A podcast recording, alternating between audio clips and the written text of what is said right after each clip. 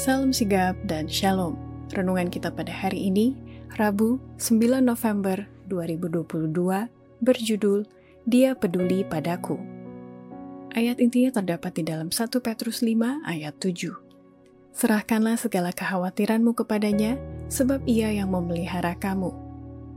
Pena Inspirasi menuliskan yang dimaksud dengan judul renungan kita pagi ini, Dia Peduli Padaku adalah bukti dia peduli kepadamu.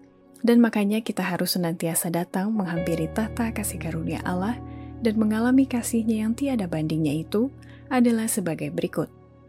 Pertama, tanda-tanda dan bukti seseorang telah mengalami seperti apa yang dikatakan Petrus, bahwa dia peduli padaku, bila mana orang itu berdiri di tempat terakhir kali ia memandang dan melihat terang itu, sampai ia memasuki wilayah damai dalam kasih Kristus bila mana pencobaan menyerang engkau, bila mana kekhawatiran, kebingungan, dan kegelapan kelihatannya mengelilingi jiwamu. Pandanglah ke tempat di mana engkau terakhir sekali melihat terang. Beristirahatlah di dalam kasih Kristus dan di bawah perlindungannya. Memasuki persekutuan dengan juru selamat, kita memasuki wilayah damai.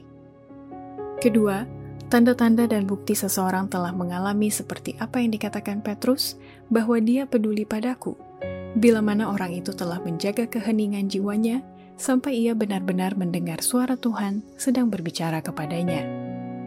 Tidak ada yang bisa melukai jiwa seperti tajamnya anak panah ketidakpercayaan.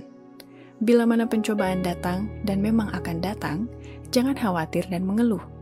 Keheningan jiwa membuat suara Allah lebih terdengar. Mereka bersuka cita sebab semuanya reda. Ingatlah bahwa di bawahmu ada tangan kekal Berdiam dirilah di hadapan Tuhan dan nantikanlah Dia. Ia sedang menuntunmu menuju labuhan pengalaman indah.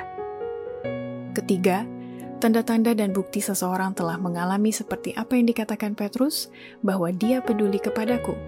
Bila mana orang itu berhenti dari kesusahan dan kekhawatiran yang tidak beralasan. Ada keamanan dalam mempercayai Allah terus-menerus. Tidak akan ada ketakutan pada yang jahat di masa yang akan datang Kesusahan dan kekhawatiran yang tidak beralasan ini akan berhenti. Kita mempunyai Bapa Surgawi yang memelihara anak-anaknya dan yang memberikan dan akan memberikan cukup kasih karunia-Nya pada setiap waktu dibutuhkan. Keempat, tanda-tanda dan bukti seseorang telah mengalami seperti apa yang dikatakan Petrus, bahwa dia peduli padaku, bila mana orang itu sudah tidak memanjakan kekhawatiran yang hanya meresahkan dan merusakkan dan bahkan mendukakan roh kudus Allah saja. Yesuslah sahabat kita. Seluruh surga tertarik pada kesejahteraan kita, dan kekhawatiran dan ketakutan kita mendukakan roh kudus Allah. Kita tidak boleh memanjakan kekhawatiran yang hanya meresahkan dan merusakkan kita saja, tidak menolong kita untuk menanggung pencobaan. Janganlah berikan tempat kepada ketidakpercayaan kepada Allah yang menuntun kita membuat persiapan terhadap kemauan yang akan datang usaha utama kehidupan kita.